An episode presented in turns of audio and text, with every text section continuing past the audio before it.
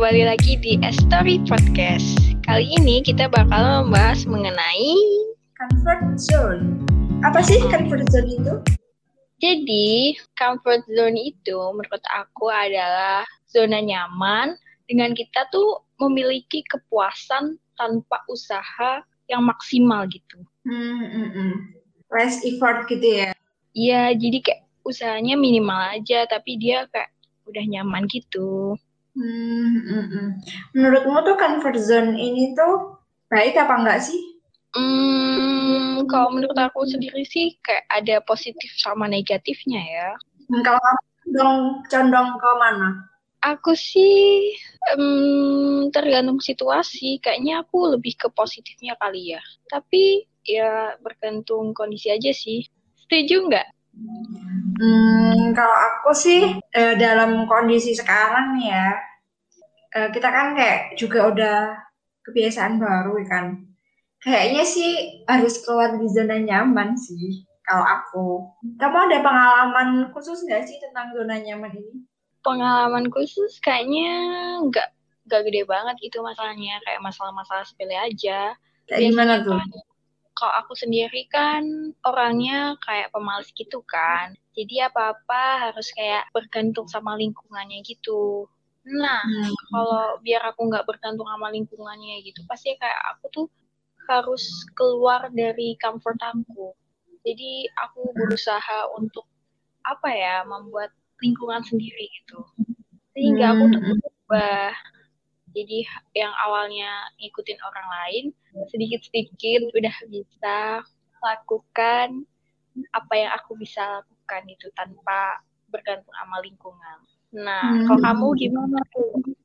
Hmm, ya kalau aku sih mengenai zone, ya kan ya sih biasanya kan orang melakukan sesuatu itu karena keterpaksaan dan kemauan ya. Mm-hmm. Nah, kalau di sekarang yang aku alami sih cenderung ke yang kayak hmm, kita menyesuaikan sama lingkungan kan.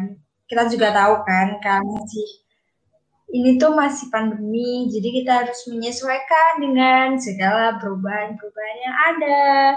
Nah, ya kayak misalkan kita biasanya uh, dapat dengan teman-teman secara langsung. Nah, kalau kayak gini kan secara virtual ya.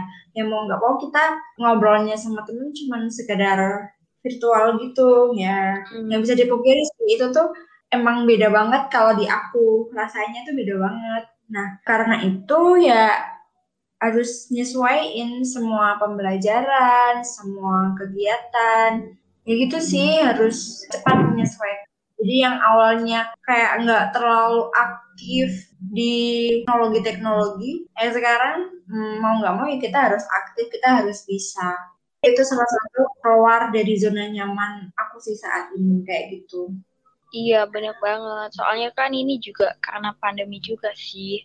Aku juga gitu sebenarnya kayak kita hmm. harus selalu apa ya aware gitu harus kayak aware banget sama media sosial karena sekarang udah informasi dari kampus informasi dari berita tentang jumlah covid dan lain-lain itu kan sekarang udah ada di kayak media sosial gitu kan udah cepet dibandingkan hmm. apalagi kan sekarang kita tuh jarang komunikasi langsung gitu sama orang. Iya, yeah. mm -hmm. banget sih. Uh, emang zamannya lagi kayak gitu kan. Ya mau nggak mau. Anyways, zona nyaman tuh ada manfaatnya loh yang dilansir oleh Alas Dearway, salah satu pencetus teori manajemen bisnis pada tahun 2009 dia tuh menyatakan bahwa kalau conversion itu membuat seseorang itu tidak mudah mengalami stres. Oh. Nah, selain ketika kita tuh kayak lebih memiliki kepastian, rasa aman dan rasa familiar atas sesuatu aktivitas atau kebiasaan. Jadi kita tuh kayak nggak hektik-hektik, boh-boh gimana gitu kalau kita mm -hmm. di conversion itu. Dan kita akhirnya bisa beristirahat, bersantai, dan memulihkan energi gitu. Nah, tapi ya Er, kita tuh kalau keluar dari comfort zone pas kita perlu usaha-usaha gitu, usaha yang maksimal. Jadi kayak hal sesuatu hal yang tidak kita temui sebelumnya, sekarang hmm. kayak mau nggak mau harus ditemui. Nah itu sih paling dibetein banget. Iya sih, setuju sih aku. Tapi Mm -mm.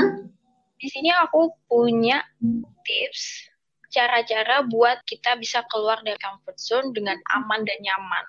Oh, apa tuh? Pertama, kita nggak boleh yang namanya takut bodoh. Tapi maksudnya di sini tuh kita nggak harus mendulikan pendapat orang lain. Jadi emang kita tuh harus belajar dari nol, eh. Hmm. Tapi hmm, kata-kata orang lain tuh juga bisa ngebangun kita nggak sih? Mm-mm. Ada juga yang ngebangun dan juga ada yang ngejatuhin juga. Oh ya, berarti kayak- kita harus filter milih-milih gitu ya? Bener. Oke. Terus yang kedua ada menikmati ketidaktahuan Anda. Hmm, nggak apa-apa kali ya kita goblok. Iya, jadi kita apa ya mewajarin aja. Kan kita juga baru mulai, baru keluar dari comfort zone, pasti kita nggak tahu apa-apa. Jadi nggak usah terlalu maksain gitu. Tenang Hmm, aja, hmm. pasti kita tahu pada waktu. Selain itu, kita tuh perlu menghadapi ketakutan itu. Gimana sih cara menghadapi ketakutan itu? Nah, itu kita tuh bisa mulai dari belajar, terus ngobrol sama orang lain, berkar pikiran, dan lain-lain. Nah, kalau dari Hmm. kamu sendiri ada nggak sih kayak pengalaman mau keluar dari comfort zone tapi kayak takut gitu? Kalau dari aku sih, ya gimana ya, rasa takut itu kan pasti eh, datang seiring berjalannya waktu kan. Jadi, hmm, hari baru, ketakutan baru gitu sih kalau aku. Hmm, Soalnya itu pasti akan belajar hal baru gitu sih kalau aku. Jadi akan selalu ada rasa takut tuh. Contohnya, em, ketika aku memutuskan untuk dulu merantau di kota besar gitu kan. Di sana kan nggak ada siapa-siapa ya. Ya absolutely aku takut banget gitu. Nggak jauh dari orang tua, jauh dari mana. Tapi kalau aku tetap nggak merantau ke sana, bakalan dapet pelajaran baru. Misalkan aku nggak jadi lebih mandiri, nggak jadi lebih bertanggung jawab atas apa yang aku pilih gitu sih. Iya ya, kayak gitu ya ternyata kita ketakut itu ternyata malah justru membawa sesuatu hal yang baru. Jadi nggak usah takut, kita harus perlu menghadapi ketakutan itu. Dan terakhir, kita tuh berani mengambil resiko. Jadi kita perlu percaya diri dan menerima kenyataan hidup bahwa emang masa depan tuh kayak nggak pasti gitu. Poin ini sih yang eh, kebanyakan membuat orang tuh jadi maju mundur gitu. Karena kan kita tuh harus memaksa diri kita untuk bener-bener memperhitungkan resiko gitu. Karena kan ya resiko setiap orang kan beda-beda ya. Nah, bener banget kata kamu tadi kalau kenyataan hidup tuh ada yang nggak pasti gitu. Gitu sih. Iya iya ya, setuju sih ya, setuju sih. Karena apa ya resiko emang ada. Mhm. Oke. Apa pun yang kita pilih selalu ada gitu. Mm-mm. Jadi apa pun yang dipilih pasti ada resikonya. Jadi kita tadi kan udah membahas mengenai cara keluar dari comfort zone yang kayak jangan takut dan lain-lain. Sekarang manfaat dari keluar comfort zone itu sendiri. Apa aja tuh? Gitu dong. Kepo dong. Jadi manfaat kalian dapat berkembang lebih cepat. Tuh. Kenapa kok Mm-mm. bisa kayak gitu? Karena kita bertemu dengan orang-orang yang baru. Terus pasti di situ kita bisa menemukan relasi yang baru. Sehingga kita juga akan timbul knowledge-knowledge yang baru. Ayo. Terus selanjutnya, kepo nggak eh? Apa tuh? Jadi yang kedua mengubah nasibnya? Hmm, gimana tuh mengubah nasib? Bau-bau salah jurusan. kalian pikir plan A, terus kalian ternyata masuk jurusan B, pasti akan menentukan nasib yang berbeda dari yang A. Tapi belum tentu nasib itu buruk. Jadi, let's move on. Relate nggak R tentang mengubah nasib ini? Kamu ngerasa nggak sih kayak gitu? Oh iya, ini cerita tentang mengubah nasib ini ya. Eh, kan aku dari SMP, SMA itu kan eh, contoh siswa yang diem nggak terlalu, pokoknya zona nyaman banget lah, nggak nggak yang nek-nek gitu kan. Aku tuh tipikal yang kayak gitu, nggak nggak ambis, nggak apa, pokoknya biasa-biasa banget lah. Sampai bahkan guru aku aja nggak tahu kalau aku tuh muridnya, sampai se kayak gitunya. Hmm. Nah, eh, waktu kuliah ini kan uh, kuliah itu kan kayak sesuatu hal yang benar-benar berbeda ya. Kita menemui orang yang baru dan sangat banyak bisa dikatakan kayak gitu dan punya background yang sangat-sangat berbeda karena kita kan uh, dari lingkungan yang berbeda gitu kan. Nah, mm-hmm. dari situ tuh um, aku juga ketemu orang baru. Nah, dari ketemu orang-orang baru itu tuh kayak baiknya tuh uh, nular gitu ke aku. Nah, contohnya tuh aku diajakin temenku buat daftar salah satu uh, asisten dosen gitu. Eh kok asisten dosen sih enggak. Uh, jadi kayak asistenin di jurusan aku waktu itu ada open recruitmentnya gitu. Nah, aku kan diajakin sama temen aku. Kebetulan temen aku tuh salah satu orang yang ngambil sama organisasi-organisasi gitu kan. Karena ya tau lah kalau waktu ospek tuh kakak tingkat kakak tingkat tuh lagi heboh-hebohnya untuk menyuarakan ikut organisasi-organisasi gitu kan. Nah dari situ tuh temen aku ngajakin aku buat uh, daftar itu jadi asisten editor jurnal. Nah dari situ aku akhirnya kan ikut daftar dan beruntungnya aku tuh ke keterima. Nah dari situ tuh akhirnya aku belajar hal baru dari karena temen aku yang ngajakin aku. Jadi tuh kayak salah satu dosen tuh kayak tahu gitu keberadaan aku. Jadi kayak gitu iya. sih at least ada beberapa dosen yang tahu gitulah.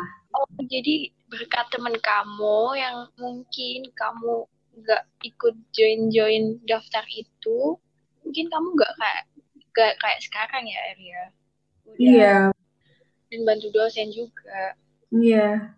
Karena itu yang diterima tuh cuman dua mahasiswa gitu loh dari beberapa yang daftar. Selanjutnya, Oke, ini tuh juga ada loh keluar dari comfort zone itu kita bakalan lebih memahami kelebihan kita dan juga kekurangan kita. Kamu relate gak sih sama yang ini? Aku belum menemukan dari pengalaman aku sih, karena setiap apa ya pengalaman yang aku apa ya aku jalani sekarang tuh aku masih belum tahu sebenarnya kayak kekurangan sama kelebihan aku tuh kalau kamu sendiri ada nggak sih? Hmm, iya, soalnya aku juga nggak nemuin. Mungkin nggak sekarang kali ya. Mungkin kita mm -hmm. harus keluar beberapa kali keluar dari comfort zone baru menemukan yang sebenarnya. Yang selanjutnya, dapat mengatasi sebuah tantangan dan masalah. Mm -hmm. Ya emang, ya kan, kalau comfort zone pasti ada tantangan dan juga masalahnya.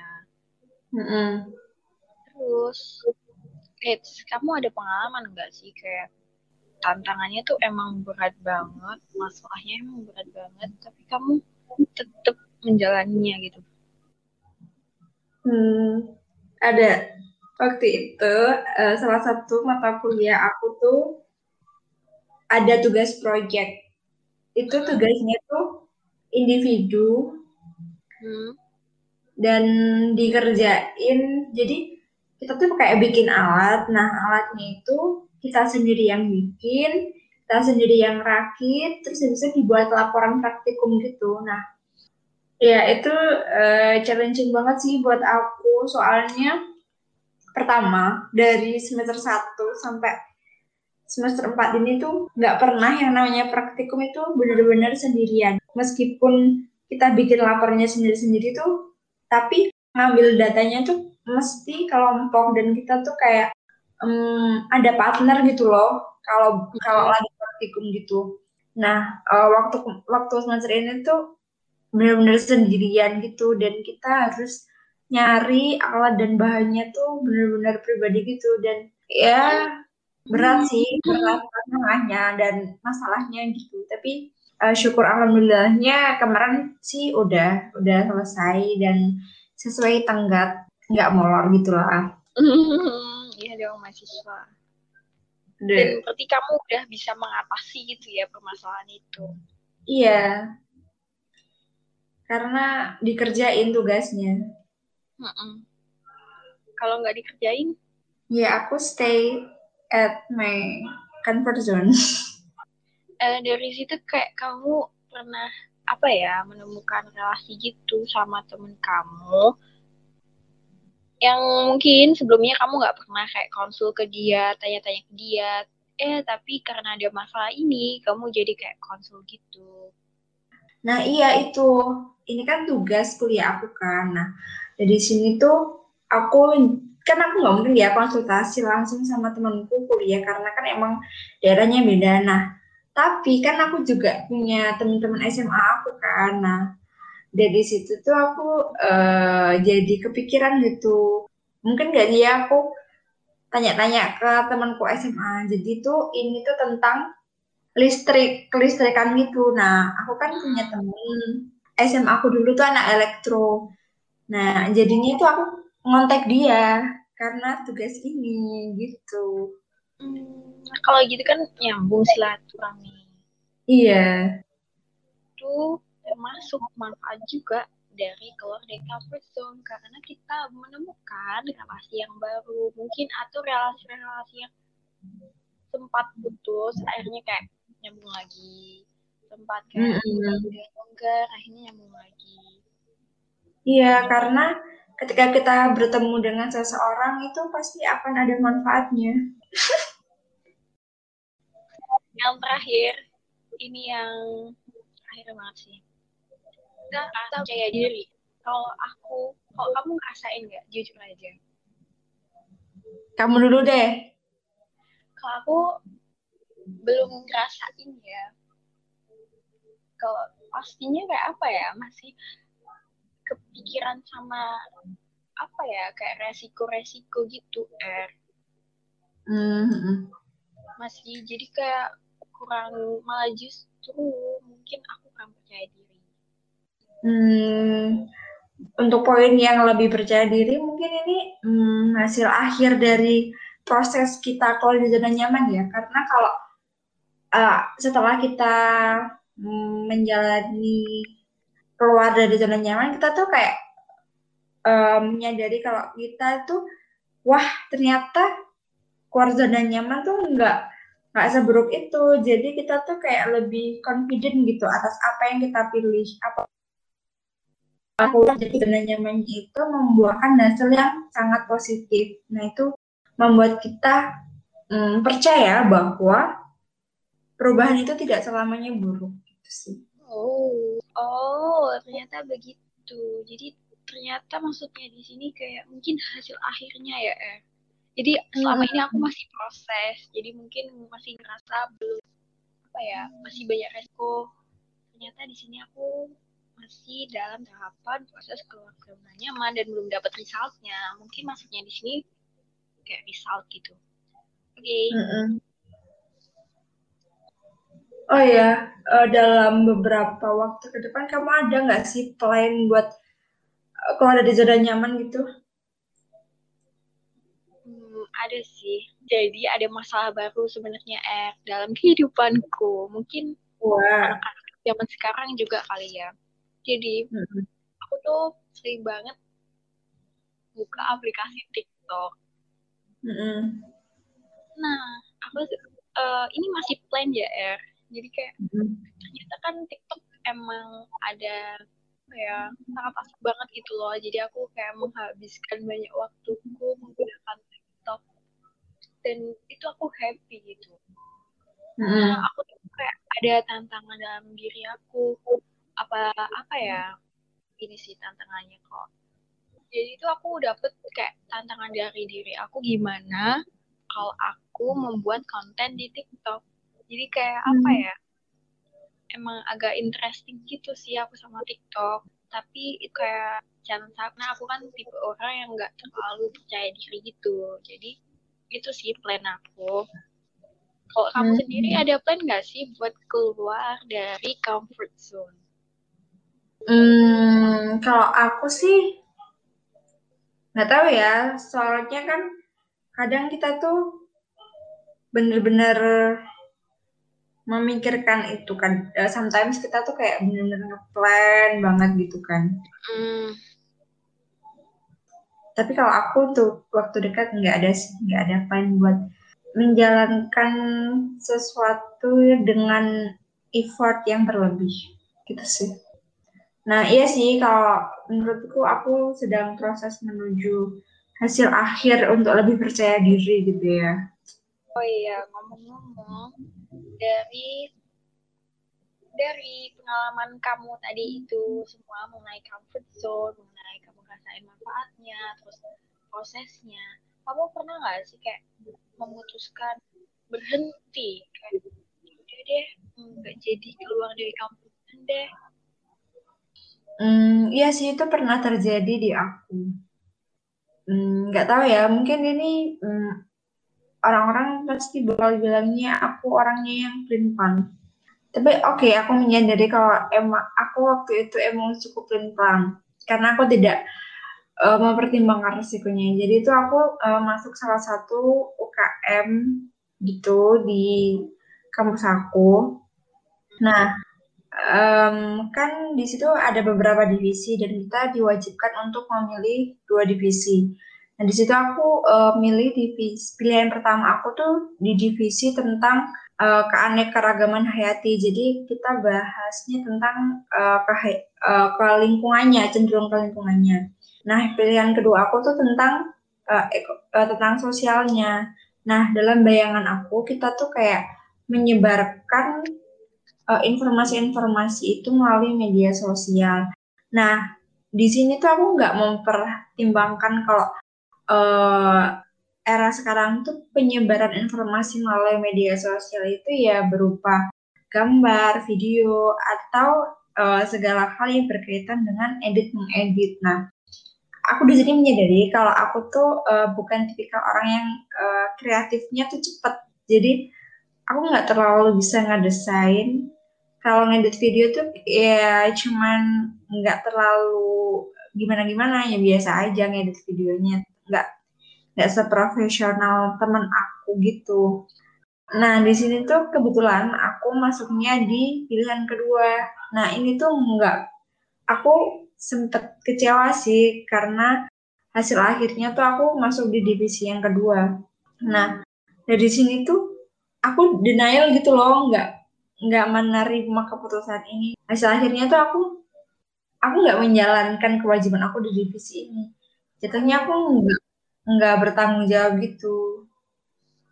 Nah, ini tuh yang ngebuat aku nggak jadi keluar dari zona nyamanku. Aku memilih tetap stay di zona nyaman aku. Dengan aku keluar dari divisi ini gitu sih. Jadi uh, kamu jadinya karena apa ya nggak terlalu interest itu, kamu malah nggak aktif, nggak terlalu aktif dalam bidang tersebut. Iya sih, benar juga sih kalau dipikir-pikir ya. Mm-mm. Soalnya aku menyadari kekurangan aku di sini. Berarti di sini kita perlu memahami apa ya kekurangan kelebihan kita kayak keputusan kita.